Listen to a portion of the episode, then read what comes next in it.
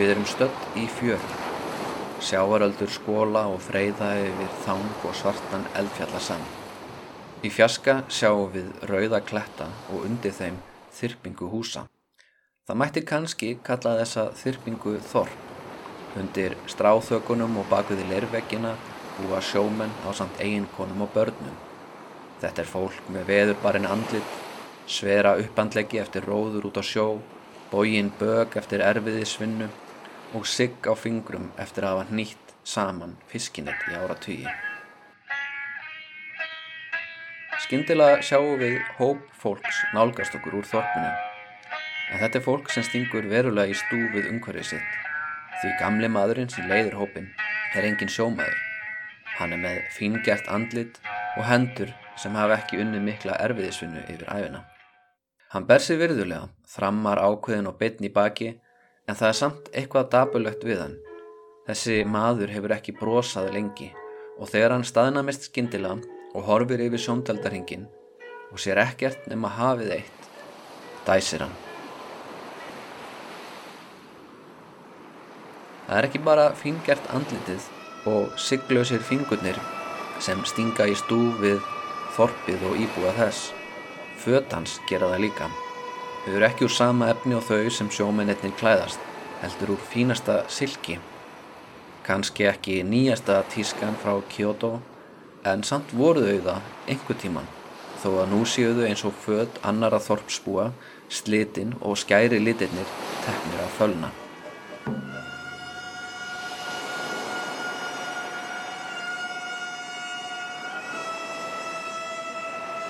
Það er greinilegt að þessi maður er aðarsmaður, bæð á því hvernig hann ber sig og hvernig fylgdalið hans haga sér. Rétt á eftir gamla manninu kemur hlaupandi ungur sveit sem heldur á sólhlýf og hann liftir henni yfir gamla mannin þess að hlýfunum yfir skeislum sólarinnar. Fyrir aftan hann ganga svo tveir samuræjar og teima áfram hesta sína. Við sjáum að þeir eru samuræjar á því hvernig hár þeirra er rakað og hnýtt saman en skildi einhver verið í vafa þá eru þeir með vopn líka. Gamli maðurinn veitir þeim litla aðtegli, heldur virðist hann ætla að áarpa hafið þegar hann skindilega brestur í söng. Hitomo oshi, hitomo urameshi, achiki naku, syngur hann. Yo o omo yueni, mono omo niwa. Að sakna vina og hata forna fjendur þreytir mig sífælt því það er svo líjandi að hugsa um þennan heim. Gamli maðurinn með þetta glæsta fylgdalið snýr sér við og gengur aftur í átt á þorpinu. Þó að hann líti ekki út fyrir að eiga heimaðar, þó að hann hafi greinilega alist upp í höll, þá hefur þessi strönd verið hans samastæður undanfarin ára tög. Mennirni sem fylgjónum eru ekki bara þjónar, heldur líka fangaverðir. Eitt þeirra skrifar saminskusamlega niður það sem gamli maðurinn sagði Því þó þessi maður sé fangi, þó að hann sé útlægi, þá hafa orðans mikið vægi. Eitt sinn var hann keisari.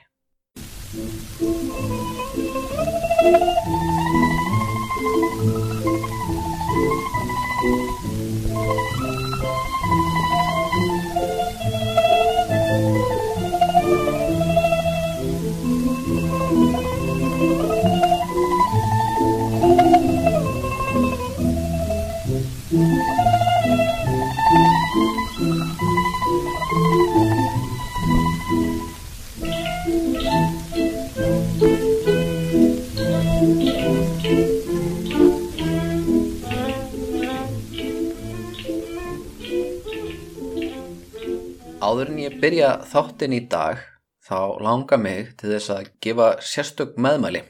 Ég fór í bókabúð um daginn og rakst á bók sem hétt því óskup einfaldanafni ævintýri frá Kóriu og Japan af því að þetta er bók með ævintýrum þjóðsögum frá Kóriu og Japan en uh, þetta er bók sem var gefin út mjög nýlega og um er að ræða þýðingar á íslensku eftir summi mannesku á uh, þjóðsögum frá bæði kóresku og japansku sem er eiginlega afreg útaf fyrir sig. En það er nú ekki það eina merkila því að sögurnar eru óskup vel þýttar, stílinn er fallegur uh, bókin er fallega myndskreitt líka. Það er Elisabeth Rún sem uh, myndlýsir og það er Unnur Bjarnadóttir sem þýðir og endur segir sögurnar. Og mér langar bara til þess að mæla innilega með þessari bók því ég vissum að þeir sem hlusta á þetta hlaðvarp hafi öruglega mjög gaman að þessu og svo líka bara mjög mikilvægt að við styðjum við svona framtak og kaupum okkur eintak. Þannig að ég mæli einfallega með þeim, tjekkið á þeim þetta frá bókafólagi sem nefnist því mjög svo viðjandi nefni Asia og að því sögðu áfram með þáttinn.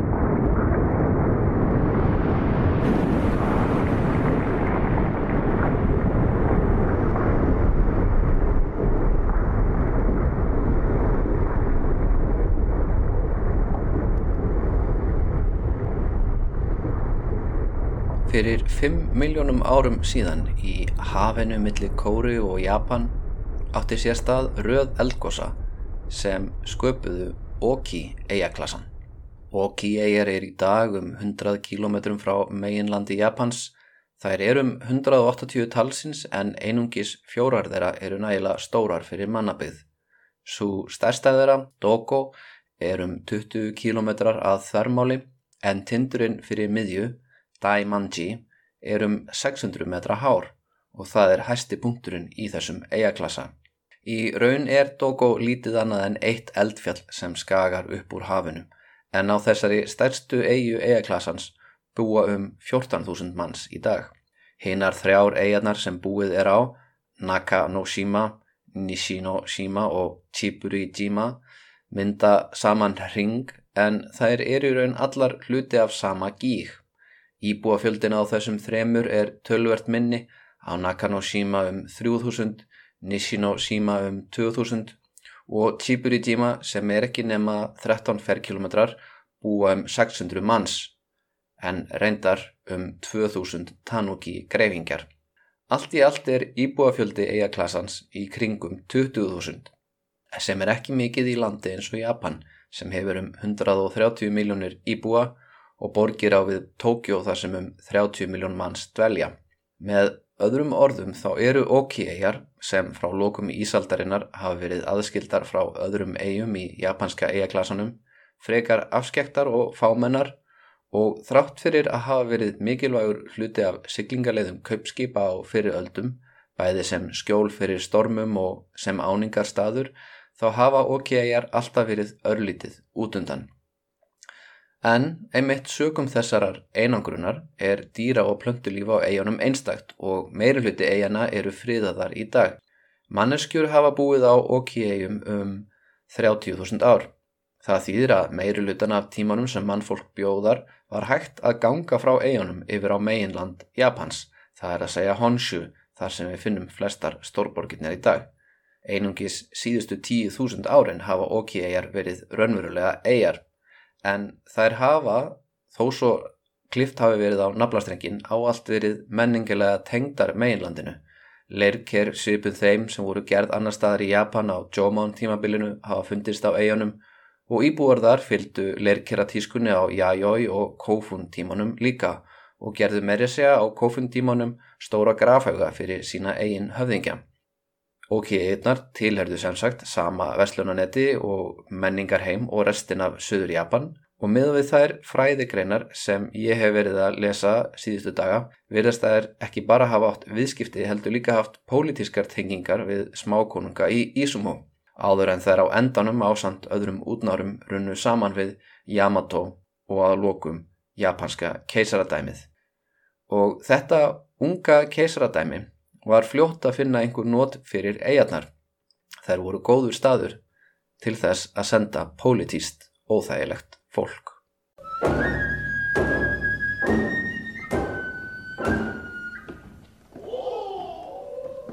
Í þessum þætti ætla ég að nefna þrjá útlaga sem hafa dvalið á þessum eigum. Sá fyrsti þeirra er mögulega sá aðteglisverðasti.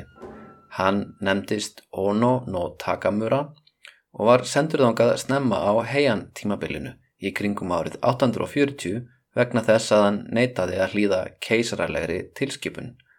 Onono Takamura var hyrðmaður, skald og diplomati en það er aukavinna hans sem dómari í helviti sem kannski helst stendur upp úr þegar æfið hans er skoðuð.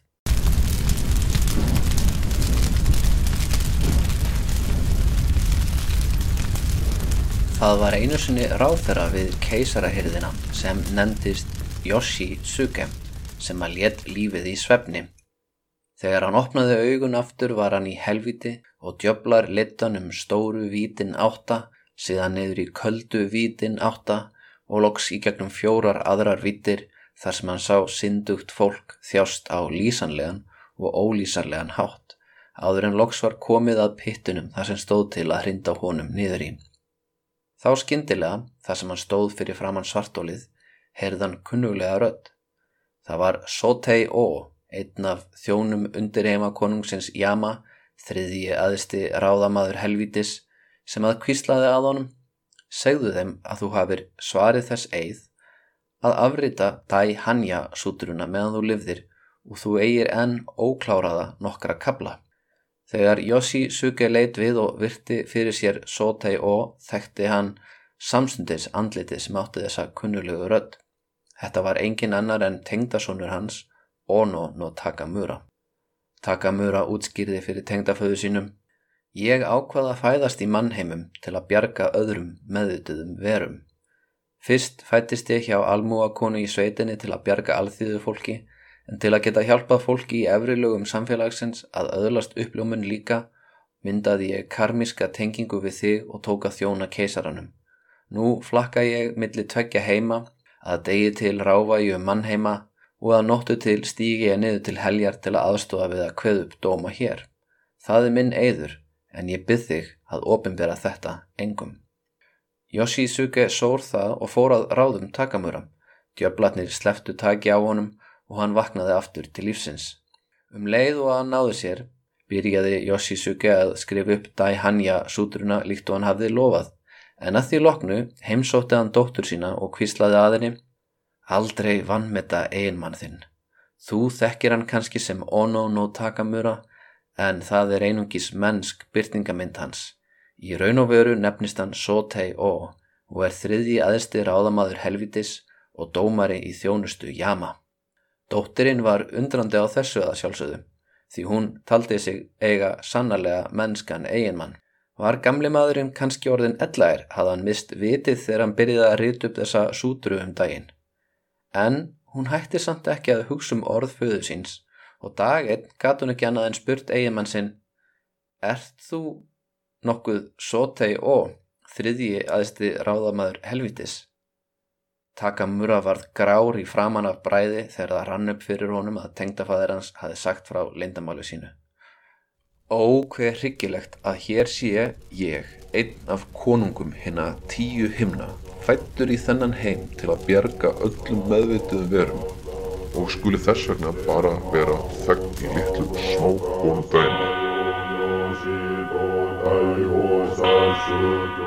Síðan strunsaði hann út og hljóp í átt að Higashi-yama fjallinu austan við heian og fyrir framann hofið Otaki Dera sparkaði hann í jörðina og þar myndaðist gríðar stór og botlaus hóla sem hann stökk niður í og sást aldrei eftir.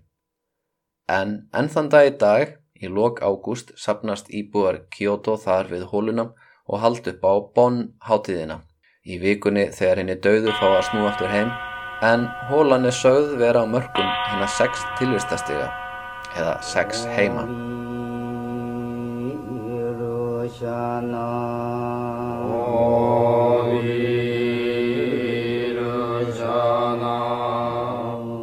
Þessi saga sem ég var að lesa núna var úr myndskreittu handriti svo kalluðu E-Maki sem tilerir Chiku Rinji hofinu í Hiroshima og var búið til einhver tíman á 15. eða 16. öld. Það eru til aðrar sögur um Ono Ono Takamura, til dæmis í þjóðsagnarsafninu Konjaku Monogatari, þar sem viðan eru kend svipuð kraftaverk, hann á að bjarga vinum og ættingum frá vist í helviti og það verist vera sem að helviti sé ekki svo ólíkt hyrðin í heian, það skiptir máli hvernig þekkir og hver er tengdasonuðinn. Hugmyndinum ríki hinn að döðu með ingangi í gegnum helli er gömul í Japan.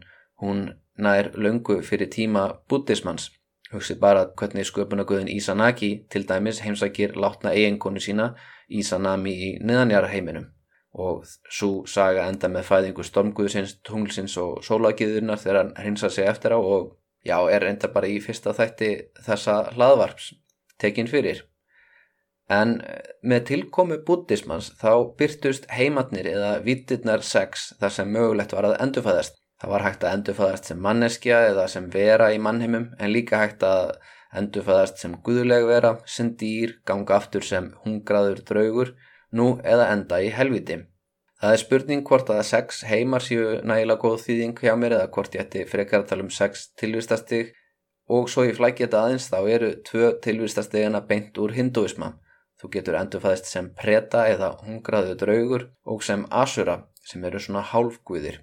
En við skulum frista þetta umræðefni í nokkra þætti. Það er framundan þáttur í nálæri framtíð þar sem ég tala um ferðarlag samúræja inn í handan heima og um helviti. Svona nokkus konar guðdómlugur gleðilegur eða Dantes Inferno nema bara í japanskri útgáfum.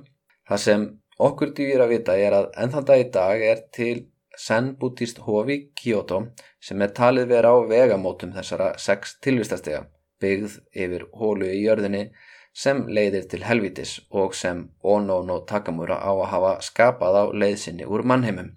Þessi saga er merkilegt nokk ekki varðveitt í öðru Zen-hofi, heldur í Shingon-hofi í Hiroshima, þar sem Ono no Takamura er á samt öðrum guðum tilböðin.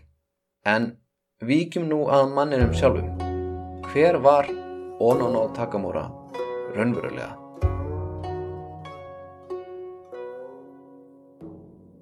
Þó svo þjóðsugur hafi síðar spunnist um Takamura, þá álítu samtíma menn hans að öllum líkendum ekki að hann væri guðleg vera.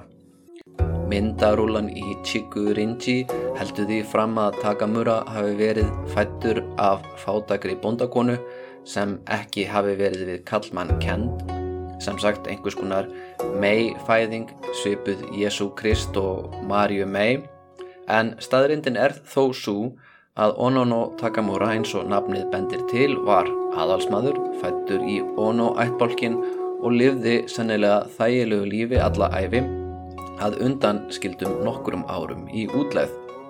Takamura var hyrðmaður í keisarahyrðinni við upp af heiantímans um það leiti sem Saga keisari réði ríkjum, fættur og uppalina á þeim tíma sem að Japanir voru að reyna sitt allra besta til að líkjast Kína sem mest. Borgin Heian var byggð nánast sem eftirlíking af Chang'an, höfuborg Tang-veldisins og keisarin fjármagnaði reglulega sendiferði til Kína svo Japanir getu lært eitthvað af þeim. Árið 834 var komið að Ono no Takamura að feta í fótspor forfeðra sinna og halda í slíkt ferðalag. Hann var 32 ára og afi hans og fadir höfðu á sínum tíma verið erindrekar í Kína alveg þar í nokkur ár og snúð aftur með luxusvörur og verðmættar bækur. Ono ættin gat jafnvel rakið sig aftur í aldir til kínverskara fræðimanna sem komu til Japans nokkur undruð árum áður til að kenna japanskum aðalsmennum kínversku og konfúsianisma. Það mætti segja að Takamura hafi verið að undirbúa sig undir þessa ferð alla sína æfi. Hann var reybrennandi í kínversku, allavega klassískri kínversku og mjög fær í að yrkja á því máli. En óhefnin eldi þessa sendiför. Stormar mættin um leið hún lagði úr höfn og diplomatarnir neittust til að snúa aftur heim. Það var í raun ekki fyrir enn fjórum árum síðar sem að sendiförin var reyðubúin til að leggja aftur í hann en þá kom smá babb í bátinn. Ono no Takamura neitaði að vera með í sömu sendiför og Fujiwara no Tsunesuku sem var leðtói hennar. Á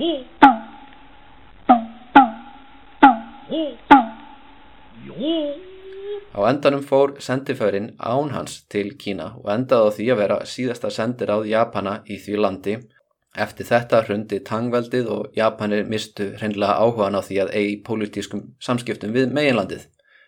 Það er annað merkilegt við þessa sendiferð. Um borði í einu skipana var munkurinn Ennin sem skrifar eldstu ferðabók sem útlendingur hefur skrifað um Kína og bókin er að sumramati einn besta ferðabók sem skrifið hefur verið. Hvað var þar Ono no Takamura þá átti þessi ólíðinans eftir að hafa alvarlegar afleðingar. Fyrst að neitað að fara til Kína í ofinbera sendiferð var hann dæmdur í útlegð og sendur til Oki-eia. Það lítur að hafa verið einmannalegt að vera reygin úr einu stórborg landsins yfir í lítinn og fámennan eiaklassa. Takamura getur ekki hafa haft mikið að bókum að lesa þar og varðla hafa margi búiðar sem hafa haft vit á kynveskum hveðskap. Það því kannski ekki skrítið að til hafi orðið þjóðsaga um að hann hafi spjallað við kynvesk skáld með hugskeitum. En frægasta ljóð Takamura er ekki orrt á klassískir kynvesku heldur japansku og það hljómar svona. Watano hara, yaso shima kakete, koki itenu to, hitoni wa tsugiyo, amano tsuribune. Handan við hafið, handan við ótal eigur, nauðugur tekin, þið sjómenn sem siglið hjá, segið mínum raunum frá. Þetta mun hann hafa orrt meðan hann dvaldi á okiægjum og starði uppfullur löngunar á bátana sem réru í fjaska. Kanski náði þetta ljóð að berast til heian og var til þess að bjarganum úr útleðinni. Í öllu falli eftir að hafa eitt nokkrum árum í útleð fekk Takamura bóðum að snúa aftur til hýrðarinnar. Keisarinn saknaði þess að hafa hann í veislum þar sem hann gæti komið með einhver stingandi komment á kínversku og síðan orrt eitthvað sniðu til að koma sér úr vandraðum. Þannig að Takamura endaði aftur í heian þar sem spunnust sögurum að hann væri í raun og veru einn af ráðamennum undirheima eftir döðans. Það er ekki eina arfleið hans Takamura. Engur í byrjun Kamakura tímans ákvaða að skrifa skáldsögu lauslega byggða á æfi hans þar sem hann á í ástarsambandi með hálf sýstur sinni. Takamura Monogatari er ekki langt verk en það er tiltölulega juicy fanfiction fyrir sinn tíma. Og svo það sé á hreinu þá er það sennilega jafn mikil skálskapur og sögurnar um að Takamura hafi verið millistjórnandi í helviti. Ono no Takamura var á sínum tíma umdeldur hirðmaður, ekki af því að hann var yfirnáttúruleg vera eða uppvís af sifjaspelli, heldur af því hann ólíðinaðist keisaralegri tilskipun og fyrir vikið neittist hann til að dvelja nokkur ári krummaskuði áður en hann snýri aftur til höfuborgarinnar, orti nokkur ljóð og lifði eftir það tiltölulega þægilegu lífi.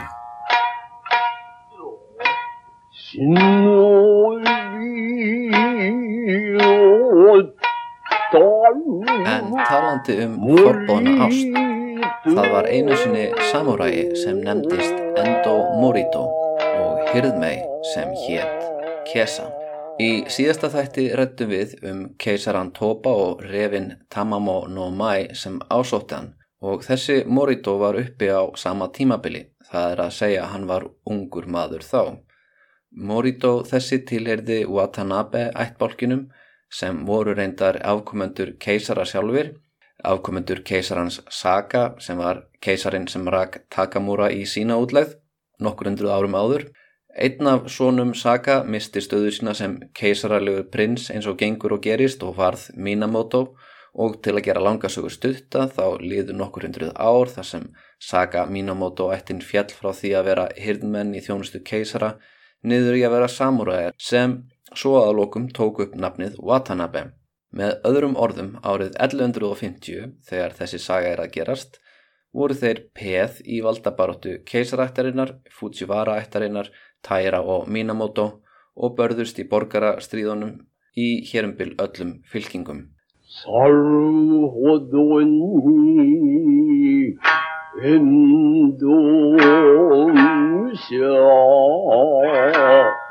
Endo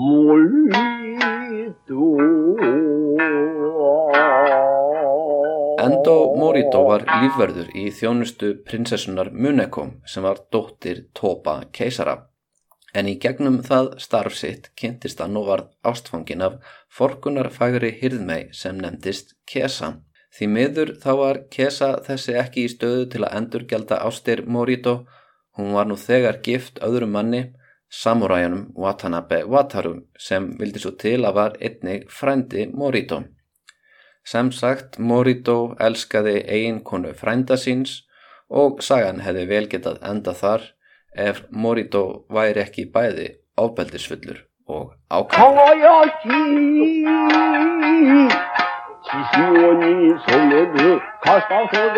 Í fræðri smásögu eftir reytöfundin Akutagawa Ryonosuke lesum við innri monológ þeirra tveggja, Morito og Kesa.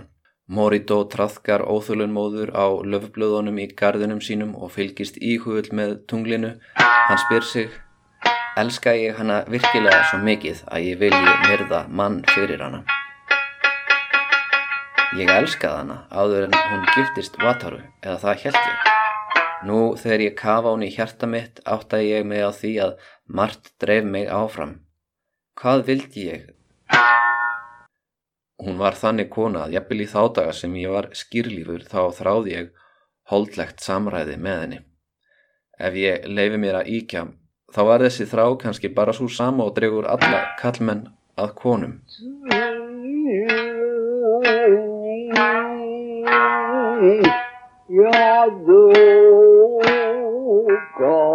Á meðan býður Kesa heima. Í þungum þöngun nagar hún ermarnar á klæðum sínum með bakið upp að döfum bjarma nætulampans. Hann kemur, er það ekki? Að öllum líkendum kemur hann. Tunglið er nú þegar byrjað að síga en ég heyri ekkert fótatak svo kannski skiptan um skoðun. Ef hann kemur ekki þá mun ég lifa með skömminni alla mína æfi eins og einhver hóra, einhver betri en dött hræ sem einhver hefur flægt út í vegkant. Ég verð smánuð og það verður trafkað á mér og skömm mín opinberð öllum en samt mun ég þurfa að þeia og láta sem ég ekkert viti. Ef svo fer tek ég eftirsjána með mér í gröfuna og í næsta líf. Ég er vissum að hann kemur. Ég er sannfærð um það því ég sá það í augnaráðans þegar við kvöttum. Hann hatar mig. Hann fyrirlítur mig. En þrátt fyrir það óttast hann mig. Hann óttast mig. Sarhodoni endonsja molito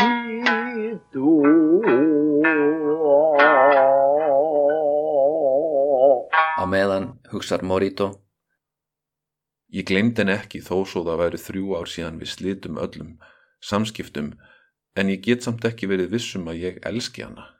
Mín helsta eftirsjá eftir á að higgja var að ég hafði aldrei fengið að njóta hennar líkamlega. Þegar ég hitt hann aftur eftir þrjú ár á hátíðinni gerði ég allt sem ég gæt til að geta hitt hana leinilega. Að lókum tókst það og ekki bara tókst mér að hitta hana heldur gerðu við það sem mér hafði alltaf dreymt um. Á þessum tímapunkti var það ekki eftirsjáin að hafa ekki átt holdlegt samræði með henni sem var mér efst í huga. Þegar ég láfið hliðinar í húsi frænguminnar tók ég eftir að svo eftirsjá var þegar horfin. Fyrst og fremst að því hún hafði ekki verið svo sem ég átti von á. Þegar ég satt beint á mótinni þá var hún ekki svo fegurða dýr sem ég hafði ímynda mér síðastliðin þrjú ár. Púðrað andlitennar hafði mist mikið af æsku blóma sínum og sjarma, baugar voru undir augum hennar. Það eina óbreytta voru augun sjálf, þessi svörtu augum. Hvernig gætt verið að ég hafi átt kynmög með konu sem ég fann fyrir jafn lítillit tengingum með? Í fyrstu hafði það ítt mér áfram að uppfylla óskir og þráhyggjur æskuminnar. Hún lísti fyrir mér ástsinni á eiginmanni sínum.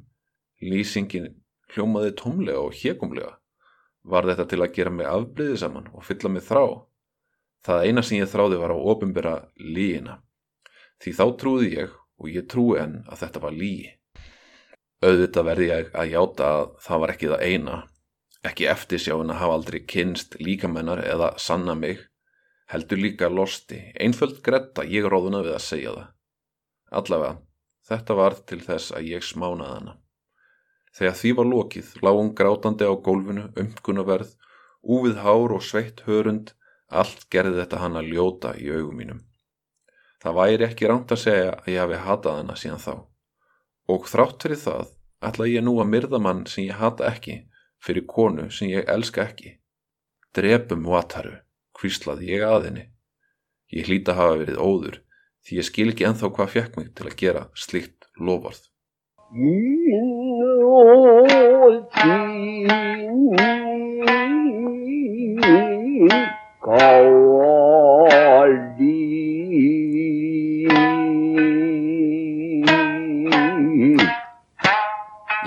Á sjálfur mér, trú á fegur minni þar til ég hitt hann aftur. Dægin sem við hittumst heima hjá frængu hans sá ég ljótleika minn endurspeglast í augum hans. Hann talaði ástúlega en hann horði á mig eins og ég skipti engu.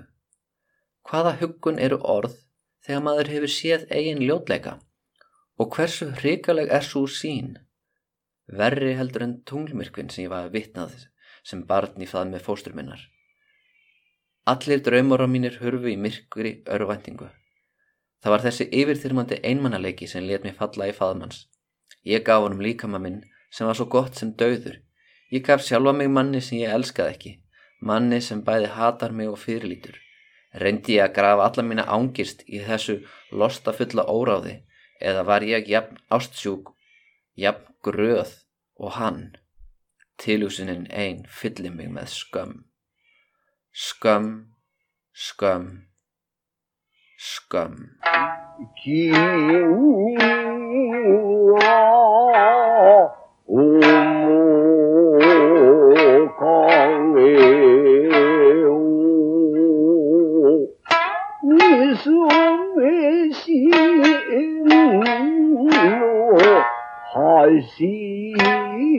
Oh.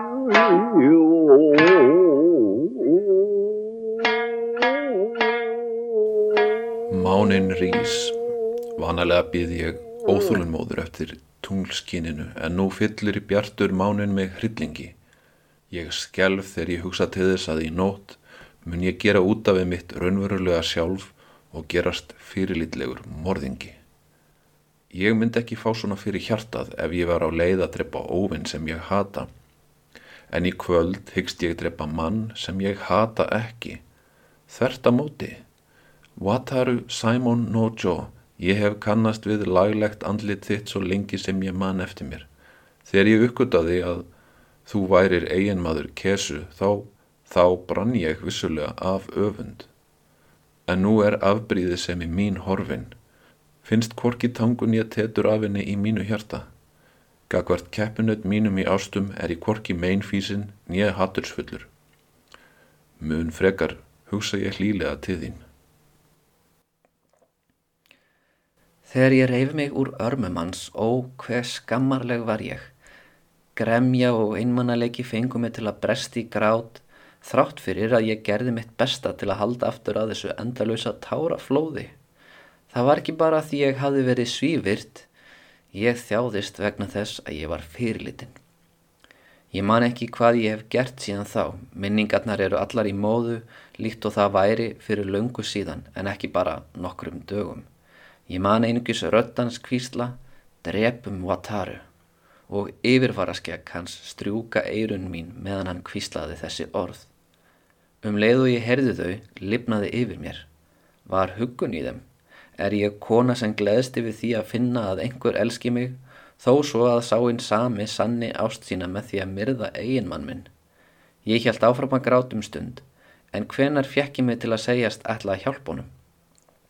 Það var þegar andlit eiginmanns míns byrtist mér. Fram að því hafði ég verið heltekinn skömm, en þetta augnablík fættist áallunin. Er það virkilega fyrir hann, fyrir eiginmann minn sem ég ætla að deyja? Er það til að bæta upp fyrir synd mína að hafa sofið hjá öðrum? Er það því mig skortir hugur ekki til að fremja sjálfsmórð sjálf sem ég plana þetta? Allt til að bjarga ímynd minni í augum almennings? Eða er það til að hefna mín á elskugunum sem hatar mig?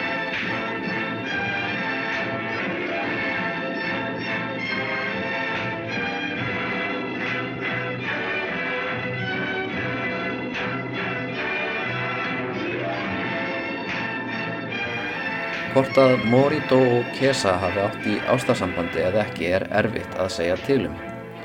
Í kvikmyndinni Jigokkumon sem var fyrsta kvikmynd í lit frá Japan sem fór í alþjóðlega dreifingu og vann til Grand Prix veluna á kvikmyndaháttiðinni Cannes er því stilt þannig upp að Kesa vill ekkert með hann hafa.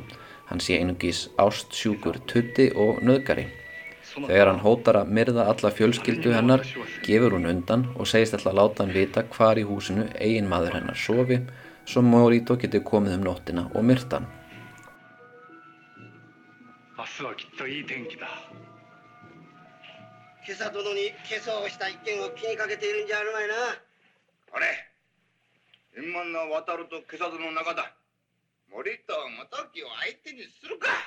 Það sem við vitum er að nótt eina gerðist eftirfarandi. Endo Morito laumaðist inn á heimili ástkonu sinnar til að myrða frænda sinn og eiginmann hennar Watanabe Wataru en fyrir mistök endaðan á því að myrða kesu í myrkrinu. Hún hafi með öðrum orðum gappaðan með því að sannfara eiginmann sinnum að gista í sínu herbergi og liggja í rúmi hans og býða eftir því í myrkrinu að Morito kæmi og ræki sverðið í gegnum sig. Svo veriðst vera sem að Kesa hafi platað Morito til að myrða sig til þess að bjarga heiðri sínum, nokkus konar sæmdar sjálfsmorð ef svo má segja. En að vísu ætlaði Morito sér alltaf að drepa einhvern, svo það sé nú sagt. Nú kynnu einhver ykkar að halda að innbrot og morð sé ástæða þess að Endo Morito hafi verið rekin í útleið, en svo er ekki. Þegar Morito hafði myrt ástkonu sína fyltist hann svo mikilli örvæntingu að hann bað Wataru um að taka sig af lífi, en frændi hans neytaði. Þessi stað endaði Morito á því að gerast munkur til að bæta upp fyrir brot sitt og varð á endanum heilagur maður.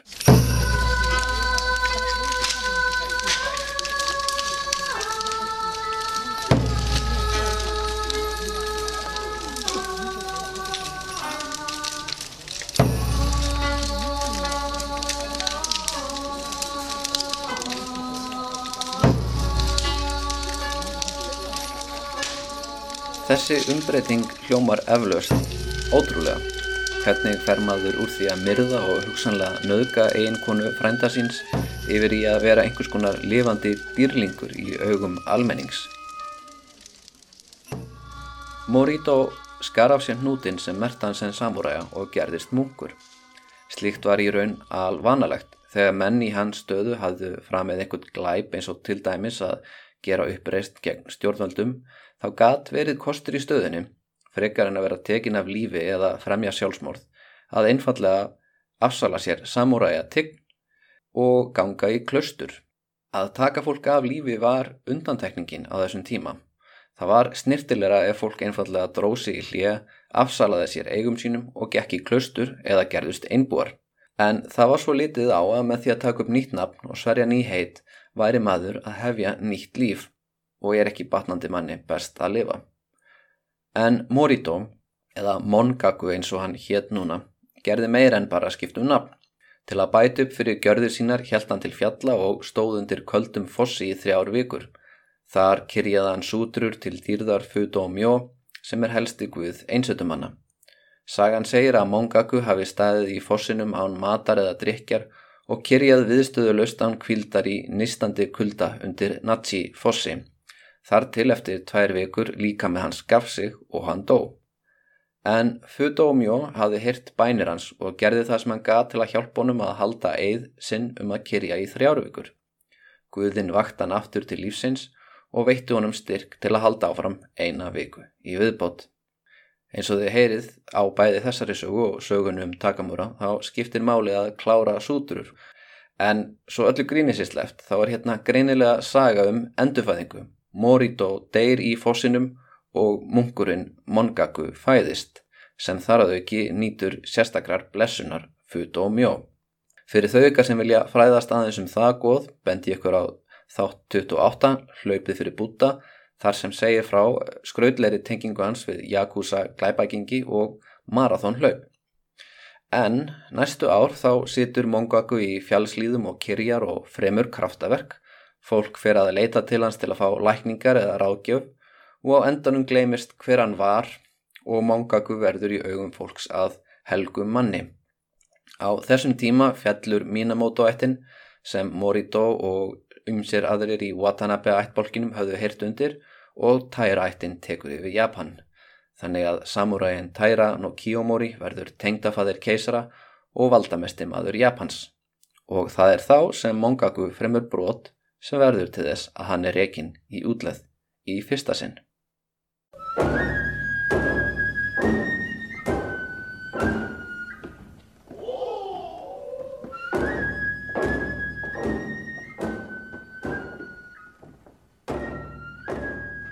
Hvaða brot var það? það var ekki innbrott, nöðgun og morð. Nei, hann skrifaði ofinbert bref stílað á keisaran fyrfirandi Go Shirakawa þar sem hann óskaði eftir fjármagni til að endurreysa Jingo-ji hófið. Í raun og veru var það sem ítt honum í útleð gaggrinni hans á Tæran og Kiyomori og afskipti af pólitík. Slíkt gæti kostað suma lífið en Mongaku var núna búin að vera munkur í áratví og velvirtur og það hendaði betur að sendan þanga sem Tæraættin sendi marga pólitíska vandræðakemlinga. Nei, það var ekki til Oki eiga, ekki enþá. Mongaku var sendur á Ísú skaga.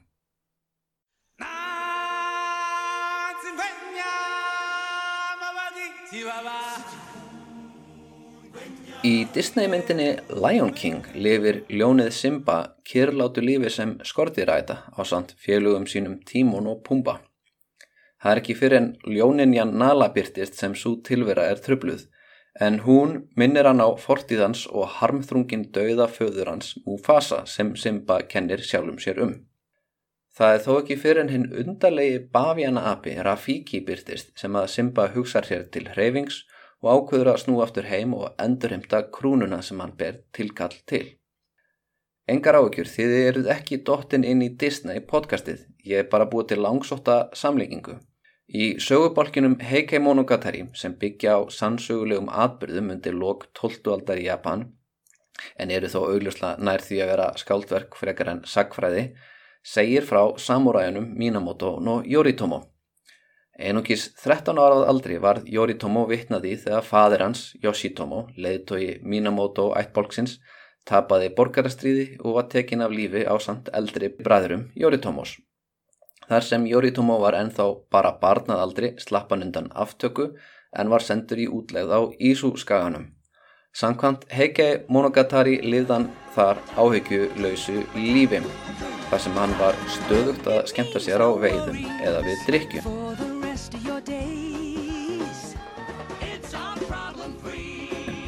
Þar til daginn byrtist undarlegur maður á skaganum. Þetta var snar brjálaður munkur sem átti til að sleppa því að sofa og borða dögum saman og gatt vist framið stórmerkileg kraftaverk.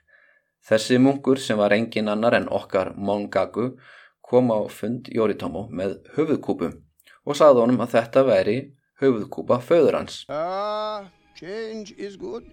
Yeah, but it's not easy. I know what I have to do, but going back means I'll have to face my past. Ow!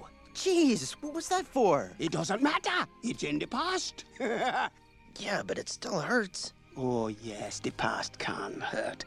But the way I see it, you can either run from it or learn from it. Ah, you see? So what are you going to do? First, Þessi fundur fjekk svo mikið á Yoritomo að hann hætti umseflust að vera áhyggjulus draumkosi og ákvað þessi stað að finna sér konu og hefja uppreist gegn tæra ættinni til að hefna föður síns. Mongaku er þannig ekki bara örlagavaldur í lífi Yoritomo, heldur gerbreytir hann Japansögunni og að sjálfsögðu fær Mongaku eftir stríðið að snú aftur til Kyoto og endurreysa þau hóf sem hann vil endurreysa.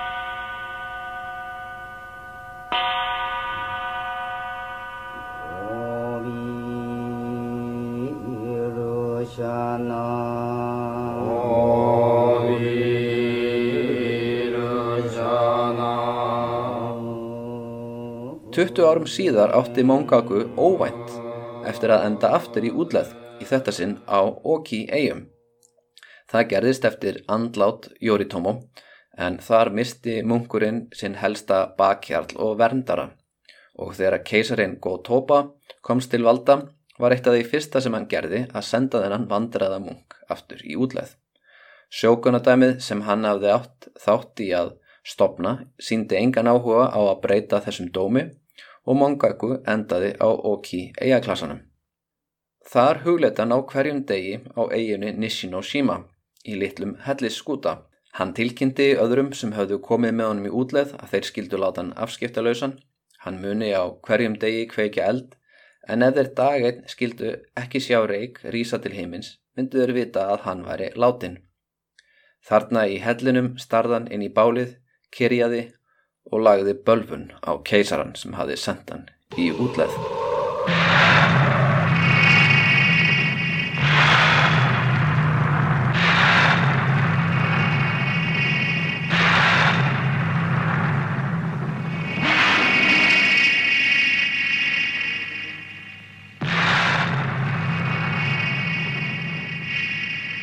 Gröf Mongaku sem lést á tíraðisaldri rétt upp úr aldamótunum 1200 er hægt að finna á minnstu eiginni, Chiburi Jima.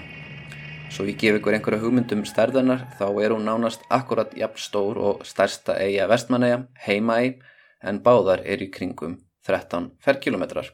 Eian er þó nefnd bæði í Kojiki og Nihon Shoki frá 8. öld sem sínir að hún hefur ekki bara verið í byggð heldur skipt máli pólitíst kannski vegna þess að hún var viðkomustadur fyrir kaupmenn. En það átti einn annar útlægi nokkrum árum síðar eftir að bætast í hóp þeirra skraudlu manna sem höfðu verið sendir til Oki-eia. Svo verðist sem að bölvanir Mongaku hafi hrifið því að keisarin sem senda hann í útlæð átti eftir að enda æfina á sama stað og munkurinn.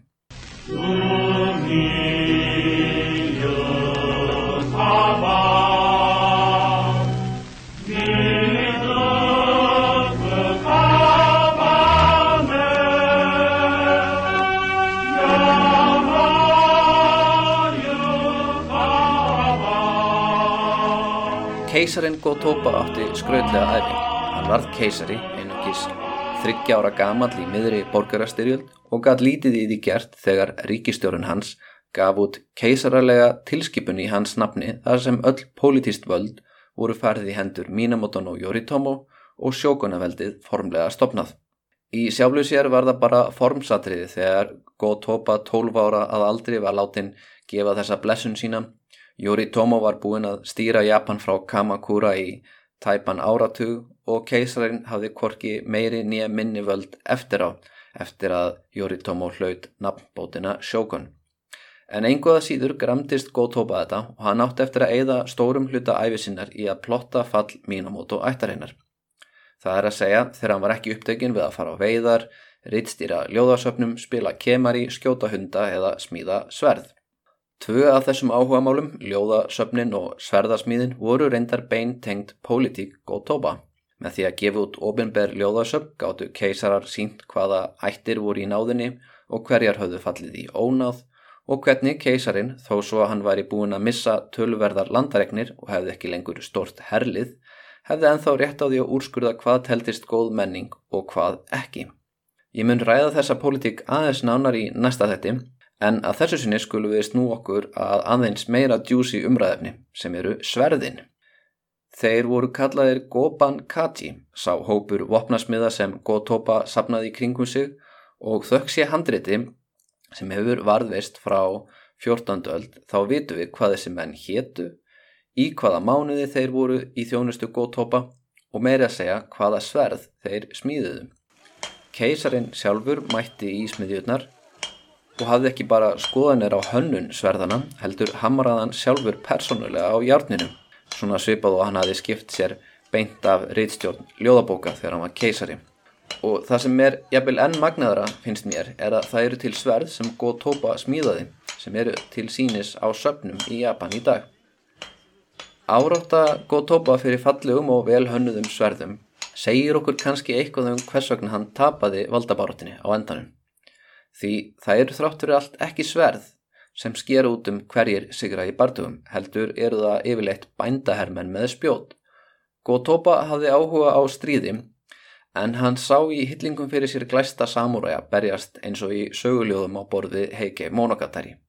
Hinn strategíski raunveruleiki var sá að þó liðsmenn Gotoba væru margir hverjir fínir aðalsmenn með glæsilega hersta og haglega smíðu sverð og mögulega mjög færir stríðismenn sem hafðu markóft sannað sig á veiðiferðum, þá var ríkistöndin í Kamakura með markvallt stærri hér og menn sem hafðu reynslu af raunverulegum stríðsregstri og svo þetta tug þúsundir af spjótliðum sem kannski hafðu ekki persónulega reynslu af stríði en voru tilnettir til að berjast fyrir landegunduna sem þeir voru í þjónustu hjá. Hefði Gotoba haft eitthvað vit á hernaði þá hefði hann eitt meiri tíma í að telja hversu mörg spjót hann hafi með sér í liði áður en hann fór að smíða sverðin. En það fór eins og það fór, árið 1221 lísti Gotoba stríði á hendur ríkistjórninni í Kamakura, týjir þúsunda létu lífið, Kyoto var brenn til grunna, en uppreistin sjálf endist bara í eitt mánuð. Eftir það voru Gotoba og sinir hans hansamæðir, þeir voru látni segja af sér öllum titlum og hver og eitt þeirra sendur í útlæð. Næsti keisari sem tók við var fjarskildur frændið þeirra. Gotoba var með öðrum orðum búin að missa allt þegar hann kom til Okieja, 41 árs að aldri. Á leiðinni mætti hann stormi og þegar báturinn loks náði landi um niðdima nótt, nettist Gotoba, sem hafi formlega verið aðstið ráðamaður Japans síðan hann var þryggjára, til þess að leita sér skjóls undir stráþaki í litlu sveita hofi.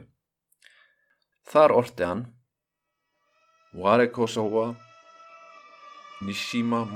Örlög mín eru að verða guð þessara haflugtu eiga, varið ykkur vindar sem vilt og stjórnlust blásið.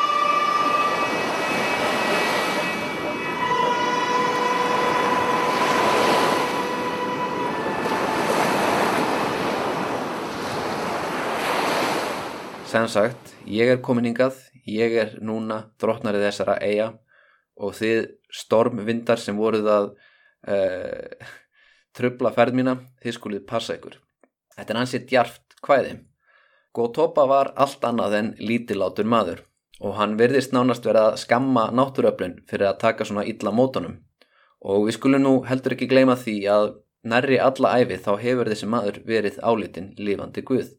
Dæin eftir þá tók Murakami samúræði fjölskyldan á eigunum formlega mótunum. Þetta voru auðmjúkir þjónar en líka fangaverðir sem sleft honum ekki úr sjónmáli restin af æfans. Þess má geta að afkomendur hennar sem enn bera nafnið Murakami passa upp á gröfans á eigunum en þann dag í dag.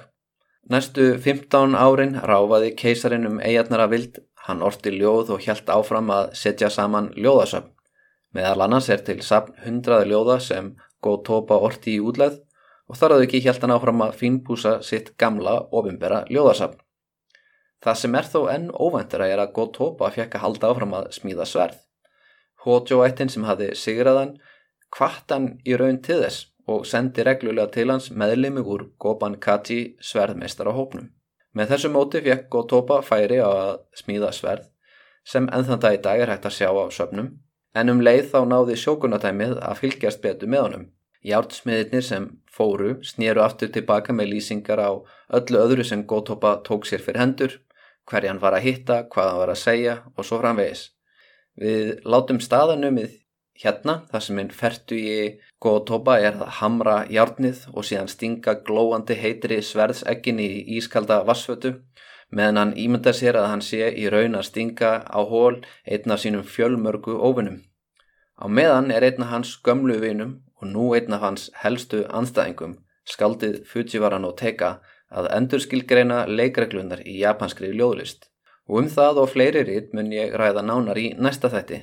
Takk fyrir hlustununa og ég vona að þetta hafi verið bæði fróðulegt og skemmtilegt og heyrumst síðar.